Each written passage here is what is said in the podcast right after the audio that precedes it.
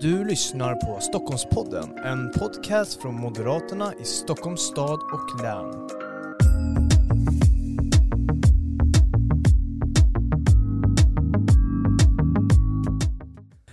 Varmt välkomna till ännu ett avsnitt av Stockholmspodden. Det här är ju Moderaterna i Stockholms stad och läns podcast där vi pratar om aktuell politik. Vi pratar med våra främsta företrädare, med våra företrädare, före detta företrädare. Vi pratade också med, med andra personer från eh, olika positioner i samhället. Eh, och idag ska vi prata med en eh, speciell person. Det är nämligen så att vi ska prata med Erik Langby. Du, man brukar ju säga att du är en legend här, framförallt här i Stockholmsregionen.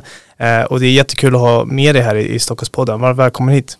Tack så mycket, tack så mycket. Ja, det låter ju fint med legend, men jag, jag var ju kommunalråd och kommunstyrelseordförande i Nacka i 30 år. Det är klart att det, då blir man kanske legend. eh, ja, men, så att det, det, blev rätt många år och mm. väljarna de tyckte att jag gjorde ett bra jobb. Så att, eh, det, eh, på det viset blir man kanske en legend genom att ha ja. möjlighet att hålla på länge när folk vill att man ska fortsätta. Precis, du har ju suttit längst i Sverige va? På kommunstyrelseordförandeposten, 30 år nämnde du där. Ja, i alla fall för en kommun av den storleken. Ja. Jag vet att det finns några mindre kommuner där det har funnits eh, några företrädare, tror ett par stycken som så småningom har lyckats spräcka de där 30 åren. Mm. Men eh, i alla fall en kommun av den storleken som Nacka är, då, då, då, är det ingen som har slagit mig. Nej. Mm, nej. Och det är en bedrift eh, verkligen och det är väl lite det vi ska prata om idag. Dels eh, kanske inte gå in på djupet på din politiska karriär men ändå det du gjorde i Nacka när det kommer till valfrihet och mångfald, en grundpelare för oss moderater. Men vi ska också såklart fråga dig lite om vad, vilka lärdomar du tog med dig från, från de 30 åren som KSO i Nacka. Eh, både på det kanske personliga utvecklingsplanet men också som, som ledare för en otroligt stor organisation. Mm. Dels politisk organisation men även också tjänstemannaorganisationen. Eh, men, men innan vi gör det Erik, jag eh, tänkte bara att du ska få berätta lite om dig själv. Du var ju inne lite på det där att du var KSO i Nacka i 30 år men eh, lite kanske innan det, du kom in i kommunfullmäktige när du var mycket ung, eller hur? Ja, jo, jag kom in när det var möjligt att bli invald. Så att, ja. Jag kom faktiskt in i kommunstyrelsen i september 72. Det var, då hade jag blivit valbar precis och det råkade bli en plats ledig som sista suppleant i Nackas kommunstyrelse. Vi hade haft kommunsammanläggning där 1971 och det var ju sådär stökigt för alla partier och sådär. Men, men eh, eh, då kom jag in som ung muffare i kommunalpolitiken i Nacka. Så att september 72 där startade det hela för min del i kommunalpolitiken. Mm. Och sen var du där i 30 år. Ja, det, det hann bli då 10 år i kommunstyrelsen innan jag blev kommunalråd. Så jag ja. hade ju faktiskt varit med rätt mycket. Ja. Och kom in i fullmäktige valet 74 då. Så där, så att, eller valet 73 då. Så. Mm. Eh, ja, det blev många år i Nackas kommunalpolitik. Mm. Men, idag, ja, men, men idag bor du inte i Nacka utan du bor ju på ja, andra Sikten. sidan. Ja, precis. Jo, nej, men när jag till slut insåg att jag, någon gång måste man sluta så, ja. så passade vi på att köpa en liten hästgård. Så vi, och det fanns inga hästgårdar att köpa i Nacka så då fick vi titta oss runt i länet här och då hamnade vi i utkanten av Sigtuna. Så mm. där mm. bor vi numera. Men du, du, är ändå lite involverad i, i politiken fortfarande? Ja, jo.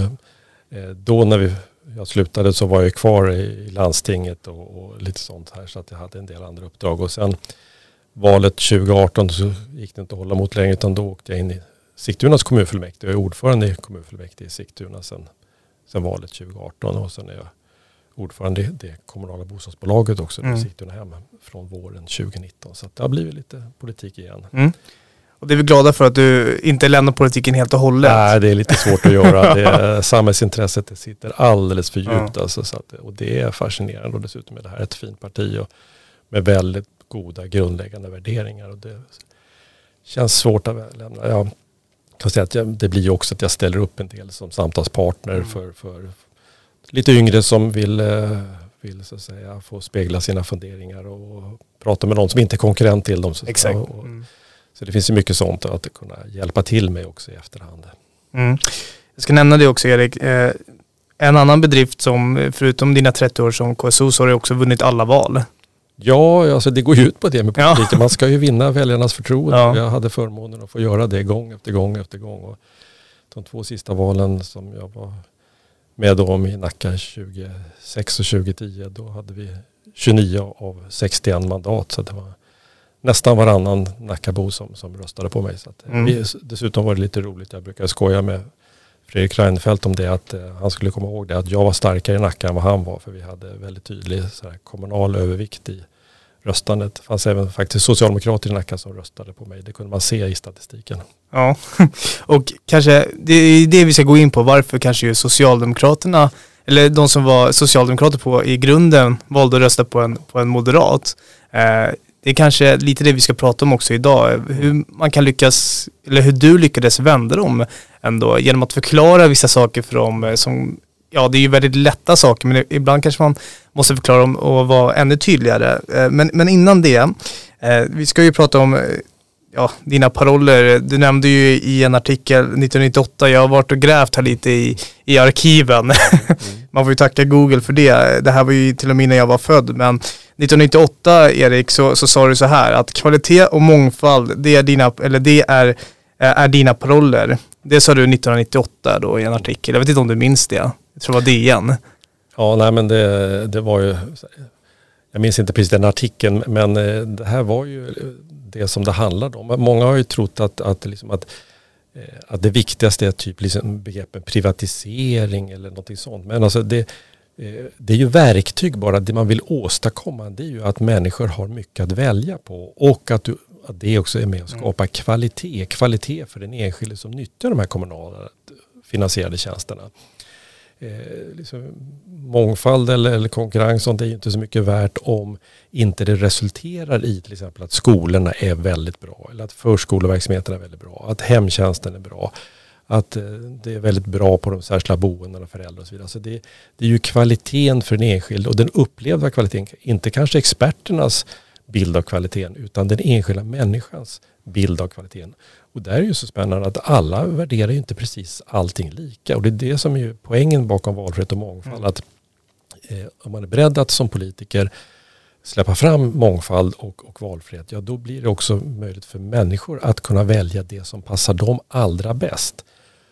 Och det är en ganska stor poäng. Så här. Intressant också med det, det är att i andra sidan de som jobbar med de här kommunalt finansierade tjänsterna, de som eh, leder en skolverksamhet eller leder en, en förskoleverksamhet eller vad det nu kan vara. De får ju också chans att utveckla sin verksamhet om de möts av att det finns människor som kan välja dem. För då måste de också få chans att, att styra och ställa med det här på ett sätt som gör att det blir roligare att åstadkomma den här verksamheten om man har det här direkta förhållandet att man faktiskt kan bli vald men också bli bortvald. Eh, och få jobba i mera självständigt så. Det, det, så det är så intressant att valfriheten är inte bara till för de som, mm. som kan välja utan det är också de som kan bli valda. Och då måste också få finnas i ett sammanhang där de har chans att påverka sin verksamhet. Mm. Jag tänker på dina 30 år inom kommunpolitiken, eller ja, som kommunstyrelseordförande då. då.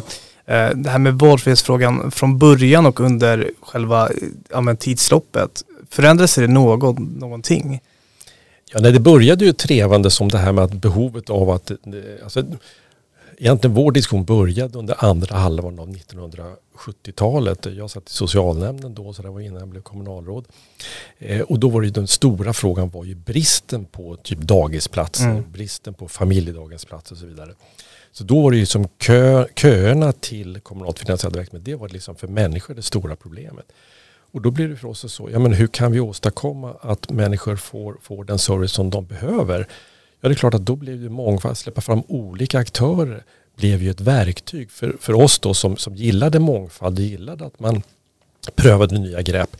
Medan man på den röda sidan sa, nej men det, vi, vi vågar inte någonting nytt utan kör bara det gamla vanliga spåret. Men då visste vi att då blev det ju bara köer och då mötte vi ju inte människors så säga, förväntningar. Det var ju enorm orättvisa. Folk betalade lika mycket skatt mm. oavsett om de stod i dagiskö eller om de fick en dagisplats. Så att de det var ju de stora frågorna då. Idag är det ju inte köer till förskoleverksamhet eller något sånt där. Eh, så idag handlar det mycket mer om den rena kvaliteten i verksamheten och att få välja den profil som man önskar. Så på det viset har det naturligtvis skett förskjutningar från liksom kösamhället väldigt mycket på, inte minst för dagis då på 70 80-talet, till idag handlar mycket mer om kvaliteten. Att man som förälder kan känna sig trygg med den verksamheten och att gilla liksom den profilen. Att man möts av verksamheter som också får lov att möta och vet att man måste möta familjerna på det sätt som familjerna vill. Mm. Om du skulle få prioritera lite här. Om vi ser att vi på en sida har sänkt skatt Och den andra sidan har vi ja, men, valfrihet och mångfald. Liksom. Eh, för jag, jag, vill minnas att eh, jag brukar vi höra så här att ja, men, man kan sänka skatten eller vi ska eftersträva att sänka skatten men inte till bekostnad av välfärden. Eh, håller, du, håller du med om det eller? Ja, så i den politiska debatten blir det ju väldigt lätt ja. den typen av, av avvägningar. Det kan vi se också rikspolitiskt att då, då hela tiden så försöker man ju prata bort behovet av att människor har mera kvar i sin egna plånboken när skatten är dragen. Eh, för att annars menar man, kan man inte ha bra service. Eh, alltså jag tycker vår verksamhet i Nacka under alla de här åren visade ju på att du kunde faktiskt både sänka skatten och ha ett lågt skatteuttag och skapa kvalitet i verksamheterna. Och det handlar ju om att naturligtvis eh, en del av poängerna med valfrihetsmodellen var ju att då såg vi till att också kommunala verksamheterna blev konkurrenskraftiga. Att de inte liksom försågs med allt för mycket liksom extra utrustningar av olika slag eller kostnadskrävande liksom, idéer om hur man skulle producera. Utan man fick jobba som småföretagare lite grann. Mm. Eh, och då blev man också ganska effektiv. Eh, och är verksamheten effektiva, ja då, då, då, kostar det inte riktigt lika mycket för, för skattebetalarna. Så att eh, min och vår erfarenhet var ju att du, du kunde faktiskt låta kvalitet och skattesänkningar gå hand i hand. Men det är klart det krävde ju ett omfattande arbete. Du kan inte bara låta, släppa iväg liksom det, ledning och styrning utan du måste ju hantera det ordentligt. Men där konkurrens och valfrihet var viktiga verktyg för mm. att kunna hålla nere kostnaderna och ändå hålla en väldigt fin kvalitet i verksamheten. Mm. Idag finns ju diskussioner i ja, hela Sverige, eh, både liksom på nationell nivå kommer ju det liksom gå neråt till regioner och sen på kommunal nivå den här frågan om att eh, ja men ska vi privatisera eh, all kommunal verksamhet? Vad ska egentligen kommunerna ägna sig åt? Eh, man hör ju dels vissa kommuner säger det ena, sen säger andra kommuner det andra och sen så hör man inspel uppifrån eh, regeringens håll vad, vad kommunala verksamheter ska, eller vad kommunen ska ägna sig åt för verksamheter och så vidare. Hur tänker du här? För jag tänker ändå att under pandemin så aktualiserades ju det här ännu mer. Mm. Nej, alltså, eh, jag, jag, tycker att det vi gjorde i Nacka, nämligen att försöka spela ner liksom att frågan om vem som är arbetsgivare, det är faktiskt inte det viktiga. Utan det viktiga är liksom under vilka villkor jobbar skolor, förskolor, äldreboenden och så vidare. Eh, och då mår man väldigt bra av att vara tvungen att arbeta i konkurrens. Att de som ska använda tjänsterna, de kan välja. Eh, och om den kommunalt drivna verksamheten, om den då anpassar sig till att människor kan välja, ja då måste man låta rektorer och förskolechefer och så vara väldigt självständiga. Eh, och då kan man inte ha att de har världens största ryggsäck av massa olika nivåer politiskt så säga, och administrativt ovanför sig som både kostar dem massa pengar men också detaljstyr dem på ett sätt som inte är bra för den dagliga verksamheten. Eh, så att eh, i Nacka så försökte verkligen utveckla det här med att visst, alltså det, eh, vi vill ha mångfald, det måste finnas privata alternativ, det måste finnas eh, alla möjligheter till att utveckla verksamhet. Men inte så att man ställde liksom det kommunala mot det privata så att oj det här är två olika världar mm. och, och sådär. Va? Utan eh, låt alla blommor blomma. Eh, se till att det är möjligt att skapa fristående verksamheter, underlätta för det. Men sätt inte den kommunala verksamheten i strykklass. För att om de kommunalt anställda blir molokna och känner att ja, kommunen vill ändå bara att det ska finnas privat, ja, då tappar de ju sugen och, och, blir inte så duktiga i sitt jobb. Vi lever ändå historiskt med att väldigt mycket verksamhet är kommunalt driven. Eh, men det vi gjorde också det var ju se till att när vi skulle starta nya verksamheter då gav vi ofta möjligheten till fristående. Eh, och på det viset så kunde man ju steg för steg eh, utvecklas så att det blev en ordentlig mångfald. Jag tror fortfarande så är det väl drygt hälften av förskoleverksamheten i Nacka som då är driven fristående. Och det mm. fristående mm. är både rent så privata företag men också föräldrakooperativ. Och även här är det viktigt med, med mångfald. Att eh, alla blommor får blomma. Det var ju väldigt mycket det som det handlade om för vår del. Eh, och som sagt, låt den kommunala verksamheten också få jobba utan en massa byråkrati. Mm. Eh, så när vi införde skolpengssystemet 1992 då fanns det ju bara kommunala skolor men som då började konkurrera med varandra men också fick mycket större frihet att utforma sin verksamhet. De kunde börja säga att ah, vi, vi kanske kan banta lite på lokaler så vi kan istället höja lärarlöner mm. och så vidare. Och vilket gjorde att man blev över tid väldigt duktiga. Jag brukar ju skryta med det att första gången som Kunskapsskolan skulle öppna en fristående skola i Sverige, eller i Nacka då, det var deras trettonde skola i Sverige. På alla de andra tolv ställena innan där de hade öppnat en friskola så eh, fick de ju den full direkt för att alla ville fly den dåliga kommunala skolan mm. på den orten. Här var första gången som inte de fick den här nya skolan fylld med en gång. Beror på att den kommunala verksamheten var så bra. Eftersom de hade fått chans att jobba i konkurrens och med stor frihet. Eh, så att eh, föräldrarna var ganska kräsna. En del mm. valde friskola men många tyckte att den kommunala skolan är så bra här. Va? Och då kände jag mig väldigt nöjd att den kommunala verksamheten under frihet och i den här valfrihetsmodellen då, eh, den hade utvecklats kvalitetsmässigt så mycket så att folk inte automatiskt valde bort den när de fick chans att hitta ett nytt alternativ. Så att jag tycker just det kvaliteten i slutändan, eh, den hänger mycket ihop med mångfalden. Mm. Men just att man, det blir tokigt om man ska säga att som man politiker säger att ja, men det är mycket bättre med, med fristående än med, med kommunalt. Nej, alltså det, låt dem konkurrera, men låt dem konkurrera på, på goda villkor. Mm. Kjell Jansson, förbundsordförande i, i Stockholms län, brukar alltid nämna för mig eh, den här, en historia, han gör den väldigt kortfattad för är, den är ju säkert längre än vad han ser men han brukar alltid prata om det här eh, fotvårdsföretaget som, som ville ville öppna eget i, i Nacka och då kom du där Erik eh, så, och sa att ja men varsågod öppna eget och det liksom skapade hela eh, valfrihetssystemet då, eller det var liksom startskottet för, för den verksamhet som ni sen fortsatte att bygga på. Mm. Jag förstår att det är en väldigt förenklad eh, historia, den är mycket kort innehåller bara några meningar, men, men lite kort om, om liksom hur det kom till ändå. För att den har ju både präglat mig som i mm. friskola, mm. men också många andra eh, familjer runt om i, i Stockholmsregionen och i Sverige.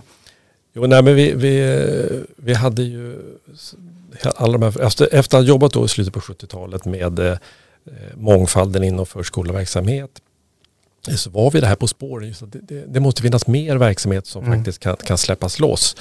Eh, och samtidigt som, så var det väldigt viktigt med att hur kan vi få mera värde för pengarna, sänka alltså låga skatter och ändå ha bra service. Eh, så att då eh, tittade vi på det här med fotvården som var ganska enkelt eh, och upptäckte eh, vad kan man säga, det som var situationen på den tiden var att man visste ju egentligen inte vad någonting kostade ut i form av per typ liksom behandling. Man visste att man hade en budget på ett antal miljoner för att anställa kommunalt, kommunala fotvårdare men man visste ju inte vad kostar en fotvårdsbehandling. Sånt där liksom budgeterade man ju inte utan man visste ju bara bruttokostnaden. Och då började vi titta på det här, vad kostar egentligen en fotvårdsbehandling och upptäckte att den var ganska dyr. Och då råkade vår socialnämndsordförande gå förbi en fotvårdsklinik och så såg han en prislapp i fönstret. Fotvård 120 kronor. Och då visade det att då kostade ju den kommunalt drivna fotvården kostade 180 kronor, alltså 50 procent mer. Och då tänkte vi, vad konstigt. Och, eh, det måste ju vara något fel i mm. hur vi liksom distribuerar och driver den här typen av verksamhet. Och då kommer det här på spåren att, att vi skulle införa fotvårdscheckar. Och parallellt med det här så fanns det som du säger det här intresset för de som, som eh, drev sån här, alltså som jobbade med det här. Att man kände sig väldigt styrd och ville få, få starta eget. Och det här kunde då mötas. Så att genom att vi införde fotvårdscheckarna så kunde man också starta eget eh, och knoppa av sig från den kommunala verksamheten. Och det var den här ISAs fotvård som var tror jag, det gäng som, som Kjell nämner här. Och mm. Eh, det var lite intressant för hon blev så också politiskt väckt på något vis av hela den här, liksom att vi skulle släppa loss en kommunal verksamhet. Så hon engagerade sig politiskt, kom in i fullmäktige för oss moderater och så vidare. Så att, eh, det där är, tycker jag, en framgångssaga kring hur man kan förändra. Och det slutade alltså med att vi kunde halvera skattebetalarnas kostnad för kommunalt driven, för kommunal fotvård för pensionärer och vi fick lika mycket fotvård i alla fall. Mm. Genom att man då slutade att driva det här liksom i tung byråkratisk kommunal modell. Eh, och istället så använder man då de här fristående entreprenörerna och där flera stycken då knoppade av sig från det kommunala. Och de blev väldigt, alltså då plötsligt fick de ju själva styra hur skulle det gå till. Jag kommer ihåg att det var, på den tiden så var det viktigt att man fick använda silikon alltså mm. som medel liksom när man skulle knåda de här fötterna och sådär. Det hade man inte fått göra för det tyckte någon kommunal chef någonstans att det var för dyrt och sådär. Så det var verkligen ett exempel på hur kommunal byråkratisk klåfingrighet hade gjort att man fick inte så bra service, kvalitet och det var så att säga, för få behandlingar per dag och därmed för höga kostnader för skattebetalarna. Och när vi kunde släppa loss det här och folk kunde starta eget, styra själva, var tvungna att konkurrera naturligtvis, eh, så blev det mycket bättre för både skattebetalare och för de som skulle ha de här tjänsterna. Och det blev inte dyrare för Nej. pensionärerna. Det här blev ett win-win-win tyckte vi. Och, eh, så det har nog det påverkade oss väldigt mycket i att känna att ah, det finns någonting i det här med valfrihet och konkurrens. Alltså det, det är någonting som är vinnande både för skattebetalarna och för de som ska ha våra tjänster. Mm. Precis, jag, jag, tänker just att ja, men det du berättar nu det är ju verkligen en framgångssaga och det har vi ju sett. Men idag eh, är ju året 2021. Eh, det här var ju ja, länge sedan, får man ändå säga Erik. Och, 1985 ja. ja, det är ändå länge sedan. Det är länge sedan. Eh, men jag tänker så här, 2021 liksom, valfriheten har ju utvecklats något enormt men, men ändå så ser vi fortfarande. Det är nästan varje år vi, vi ser hot mot valfriheten. Bara förra veckan ville sossarna förbjuda vinstuttag för friskolor ja, i princip radera ut hela friskolesystemet. Eh, skulle du se att valfriheten är hotad idag? Jo men det, alltså, du har rätt, alltså, det, den är hotad. Det finns ständigt eh, människor på, på den socialistiska sidan som, som eh, eh tycker att det är att det är en störning, liksom att det finns eh, mångfald och att folk gör det här på olika sätt och att det finns till och med de som är mycket effektivare än den kommunala verksamheten och därmed både kan ta ut en viss vinst och ändå så, så har man så bra verksamhet så att föräldrar och ungdomar och barn vill välja deras verksamhet. Alltså det, eh, och då, det intressanta är att det är ju väldigt få som kommer med krav på förlustförbud i kommunal verksamhet. Alltså att Problemet är ju inte att några friskolor gör vinst utan det är ju att det finns så mycket dåliga kommunala verksamheter som man mm. vill fly ifrån och istället gå till de fristående och där de blir så populära så att man faktiskt också då kan få några pengar över i slutändan. Sen ska vi komma ihåg att det är väldigt många av friskolorna har ju inte delat ut några vinster utan de har ju plöjt tillbaka dem i sina verksamheter för att utveckla dem vidare och så. Så att det, även där så finns det ju en väldig stor variation på hur företag har gjort. Men alla de har ju förtjänat sina elever eh, genom att man har haft en bra verksamhet som, som familjen har velat välja. Eh, det är svårt att säga att det är någon som blir lurad in i att gå till en friskola. Det, det kanske finns något enstaka exempel eh, utifrån från språksituationen eller någonting sånt. Men, men det, det är ju inte det vanliga. Nej. Nej, men så helt klart, alltså, det, tyvärr så är det ju väldigt många som, som tycker att ändå det socialistiska med, med monopol det, det är det bästa. Men det tycker jag historien har ju verkligen visat och jag tycker exemplet från Nacka genom decennierna här har ju verkligen visat hur, vilken poäng det är med, med mångfald och valfrihet. Mm. Bra för skattebetalarna och bra för de som ska nyttja tjänsterna. Och tittade till exempel på betygsstatistik och, och prestationer i övrigt, menar, hur man blir blir eh, behörig att komma från grundskola till gymnasium och så vidare så har ju Nacka gjort en sån otrolig resa under mm. de här mm. åren så att kvaliteten har verkligen gagnats. Mm. Och det krävs ju att eh, informera varje år egentligen. Eh, precis som jag sa, det är ju nästan varje år det kommer ja, nya hot mot valfriheten, även om det är mot välfärden, om det är mot skolsystemet som det egentligen är nu. Men men det här att det kommer nu, om vi bara ska kolla framåt också, nästa år är ju ett val eh, och att det kommer nu innan valåret den här, att de lägger fram det, Socialdemokraternas partistyrelse lägger fram det till kongressen här i höst, i november. Eh, man brukar ju, eller om man ska spåna lite i tankarna och idéerna så är det så att de kanske vill försöka skapa en valfråga eh, och driva debatten just i det här friskole, eh, eh, ja men förbjuda vinstuttag för friskolor och försöka skapa en valfråga därifrån. Eh, Tror du att det skulle kunna bli en valfråga och att liksom valfriheten kommer upp på agendan. Nu är det mycket annat som dominerar, det är lag och ordning och mm. arbetslöshet och så vidare. Men, men jag tror ändå att man på lokal nivå eh, så finns det kanske någonting att hämta ändå att fortsätta prata valfrihet. Eh, jag tänker på dina eh, val som du gjorde där i början på 80-talet mm. och så vidare, de här framgångsvalen. Mm. Vad tänker du? Jo men absolut, utan, men det viktiga är väl då att man just fokuserar på det som är valfrihet och mångfald. Inte på att man ska liksom kasta ut den kommunala verksamheten och tvångsprivatisera den. För då har ju väldigt många människor svårt att hänga med. Ja, men hur ska det där gå till och är det bra och så vidare. Så jag tror att, tyvärr har väl en del på den borgerliga sidan kanske fokuserat mera på vissa av verktygen och för lite på vad det syftar till och inte kunnat måla upp bilden av hur man faktiskt stärker kvaliteten och situationen för den enskilde. Och än mindre att kunna visa på vad det här betyder för de som jobbar i verksamheten att få chans att styra bättre själva även om de är kvar i kommunal verksamhet så, så måste man släppas loss på ett annat sätt och få större frihet under ansvar då, mm. så, så, som det blir. Så jag tror att eh, eh det är viktigt att man, man förstår att det mångfalden och valfriheten, det är det som är det viktiga.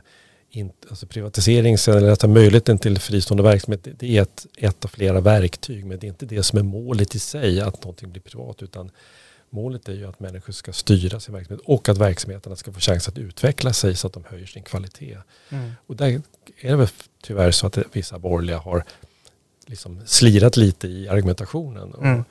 Och, och eh, så är det klart att ett dilemma i politik är ju att en mandatperiod, även om det numera då är fyra år, så är den lite kort. Och det är klart att när man då har, om en borgerlig allians har tagit över efter ett val där de rödgröna har styrt tidigare, ja då, då kan man ibland ha kanske lite för bråttom att väldigt snabbt försöka införa massa förändringar som då inte blir så liksom, praktiskt genomförbara. Och klart, då kan man ju riskera att, att eh, det blir lite badwill kring det då. Eh, och då ger man vatten på sin kvarn till socialisterna som vill mm. gå tillbaka till monopol. Så att det är väl som vanligt så att man måste vara omsorgsfull i det man gör. Och, eh, men som sagt, det, det, det spännande idag, man kan säga, det blåser kanske vissa typer av vänstervindar rent internationellt i politik. Eh, men då gäller det verkligen för oss på, på högersidan att, att eh, sortera det här och förstå att det finns saker som är, är viktiga men som inte, där de, även de frågorna skulle lida av att man faktiskt monopoliserade. Menar, en stor fråga internationellt idag det är ju liksom det här med man säger ojämlikhet, att det finns väldigt mm. många människor som, som är fattiga. Eh, tyvärr är det många som, som inte har så säga vunnit på globaliseringen så som väldigt många andra har gjort. Och det är ju viktigt att man förstår det där och, och försöker att se till. Och det har vi gjort i Sverige och vi moderater har ju jobbat så oerhört mycket med att det här med att vanligt folk, låg och medelinkomsttagare också ska kunna leva på sin lön. Sänk skatten för de som har vanliga inkomster och så vidare. Alltså det har ju varit så viktigt. Men i många länder har man ju inte riktigt jobbat så. Eh, och det gör att, att eh, på en del håll kanske då vänstervindarna fått lite stort utrymme. Men jag tror att vi vi måste på, vi som är på den, den högra sidan i politiken, vi måste förstå de här sakerna som kan oroa folk men inte tappa, tappa bort så säga, de grundläggande frågorna. Vilket enormt värde det är av mm. att folk får eh, bestämma mer över sin egen lön. Att man verkligen har, går vidare med jobbskattavdrag och allt vad det kan vara för någonting. Som gör att man blir herre över sin egen situation. Mm. Att besluten tas vid köksbordet och inte i de politiska församlingarna. Mm. Erik, vi ska alldeles strax här ta och eh, avrunda, men, men innan det så vill jag ändå eh, ta tillfället i akt och fråga dig om vilka lärdomar du skulle vilja, eh, eller vilka lärdomar du tar med dig från dina 30 år inom kommunpolitiken som kommunstyrelseordförande för Nacka. Eh, både liksom på det personliga planet kanske, men också som, som ledare för en sån stor organisation. Om du bara vill nämna lite kort, för vi vet ju att det är en många politiker som lyssnar på det här men det kan även vara folk som, som inte är engagerade i politiken men som ändå kan ta lärdom av, av det uppdrag du har haft och, och mm. vad du har lärt dig. Alltså en av många saker som, som man förstår när man jobbar med så stor organisation som en kommun det är ju den enorma betydelsen av liksom, tillit och förtroende i en organisation. Att man försöker skapa en situation där man är liksom trygg i vad man ska syssla med som anställd. Eh, att det finns en tilltro att man får, får lov att, att utvecklas. Även om man är kommunalt anställd så ska man kunna så få experimentera lite grann och pröva nya grepp och inte bara vara kvar i gamla hjulspår. Eh, för de flesta människor är ganska kloka och det är viktigt att få släppa loss människors mm. kreativitet. Eh, och det förutsätter liksom tillit. Och, men också en tydlighet i alltså att politik måste vara att man berättar vart ska vi gå? Eh, vad har vi för visioner? Vad är det för eh, någonting vi vill åstadkomma för de vi är till för. Alltså man berättar den storyn gång på gång. Vad, vad, är vi till för? Jo, vi ska ju skapa förutsättningar för våra, våra invånare och de som brukar våra tjänster ska få det absolut bästa men till så låg kostnad som möjligt för skattebetalarna. Att man hela tiden kör det, det här mantrat och får då de anställda i en kommun att, eller en region då att att eh, se glädjen i det här att faktiskt få utvecklas och, men också få lite luft under vingarna och pröva. Och, och då måste man, man måste platta till organisationen. Man kan inte ha jättestora byråkratiska strukturer. Jag kommer ihåg när vi höll på med det här med hemtjänsten på sin tid. Så upptäckte vi att Stockholms stads hemtjänst då hade lika många befälsnivåer som ryska armén.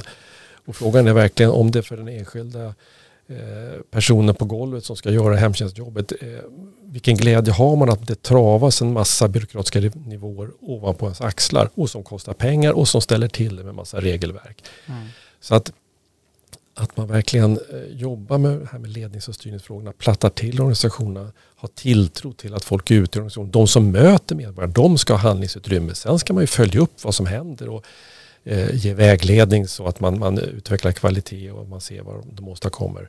Eh, men alltså hela den här ledningsstyrningsfrågan att, att eh, följa upp men också tala om vart ska vi gå och ha tillit och inte jaga syndabockar. Däremot är det klart om någonting blir fel så, så ska man säga, ja, men vad lär vi av det här och sådär. Mm. Så att, att skapa den typen av förtroendesituation i ledning och styrning och vara öppen både för kommunal verksamhet och fristående verksamhet. Inte tro att fristående företag de är skurkar eller att kommunalt anställda är slöfockar. Alltså, utan de flesta människor vill göra ett gott jobb men låt dem komma i ett sammanhang, en struktur som gör att det lönar sig också att göra rätt mm. för medborgarna.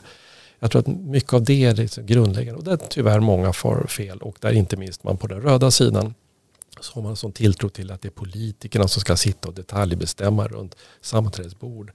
Vi vill istället släppa loss de anställda men i konkurrens få möta medborgarnas behov. Det, det, det är den stora tycker jag, lärdomen av alla de här åren. Mm. Erik Langby, stort tack för att du kom till Stockholmspodden. Tack.